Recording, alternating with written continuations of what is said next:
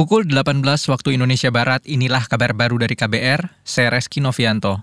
Presiden Joko Widodo hari ini tiba di Bandara Frans Kaisiepo, Kabupaten Biak Numfor, Papua. Selepas dari bandara, rombongan Presiden Jokowi menuju Perumbulok, Kabupaten Biak Numfor. Di sana, Presiden memberikan bantuan beras cadangan pangan pemerintah kepada keluarga penerima manfaat. Rombongan kepala negara kemudian menuju lapangan bola kampung Sorido untuk bermain bola bersama pelajar dan mahasiswa biak. Malam harinya, Jokowi dijadwalkan menyaksikan demo metode gampang asyik menyenangkan atau gasing 170 pelajar Papua pintar berhitung cepat. Lalu, Kamis besok, Presiden akan membuka acara Sail Teluk Cendrawasih yang mengusung slogan Torang Hebat. Selanjutnya, Jokowi juga akan meresmikan kampung nelayan modern di Kampung Samber Distrik Yendidori, Kabupaten Biak Numfor. Kita ke soal lain. Bekas Kepala Bea Cukai Makassar, Sulawesi Selatan, Andi Pramono, didakwa menerima gratifikasi uang lebih dari 58 miliar rupiah. Dakwaan dibacakan Jaksa Komisi Pemberantasan Korupsi KPK Joko Hermawan hari ini di Pengadilan Tipikor, Jakarta Pusat. Pada waktu antara tahun 2012 sampai dengan tahun 2023, telah menerima gratifikasi berupa uang turunnya berjumlah 50 miliar 286 juta 275 ribu 189 rupiah dan 79 sen.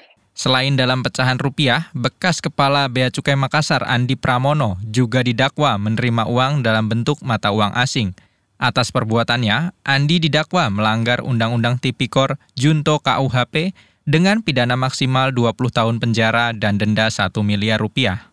Kita ke daerah. Yogyakarta menjadi kota pertama di Indonesia yang menerapkan teknologi nyamuk berwolbachia dalam pengendalian kasus demam berdarah denggi atau DBD. Peneliti utama program nyamuk dunia WSP Adi Utarini mengatakan, penelitian panjang membuahkan hasil mengembirakan. Kata dia, nyamuk Wolbachia efektif mengurangi 77% kasus DBD dan 86 pasien rawat inap karena DBD di Yogyakarta angka 77 persen penurunan denggi dan juga 86 persen penurunan rawat inap karena denggi itu bukan bukan hanya angka yang indah di atas kertas tetapi juga kemudian berdampak terhadap program pengendalian denggi maupun dalam kehidupan masyarakat. Peneliti utama program Nyamuk Dunia WSP Adi Utarini menambahkan, penerapan teknologi nyamuk berwolbachia dalam pengendalian kasus DBD diinisiasi Universitas Gajah Mada, Monash University, dan Yayasan Tahija sejak 2016 lalu. Sementara itu, Direktur Pusat Kedokteran Tropis Riris Andono Ahmad menjelaskan, Wolbachia merupakan bakteri alami yang ada di sebagian besar serangga di dunia. Wolbachia terbukti mampu menekan replikasi virus dengi di dalam tubuh nyamuk Aedes aegypti. Pukul 18 waktu Indonesia Barat, inilah kabar baru dari KBR, saya Reski Novianto.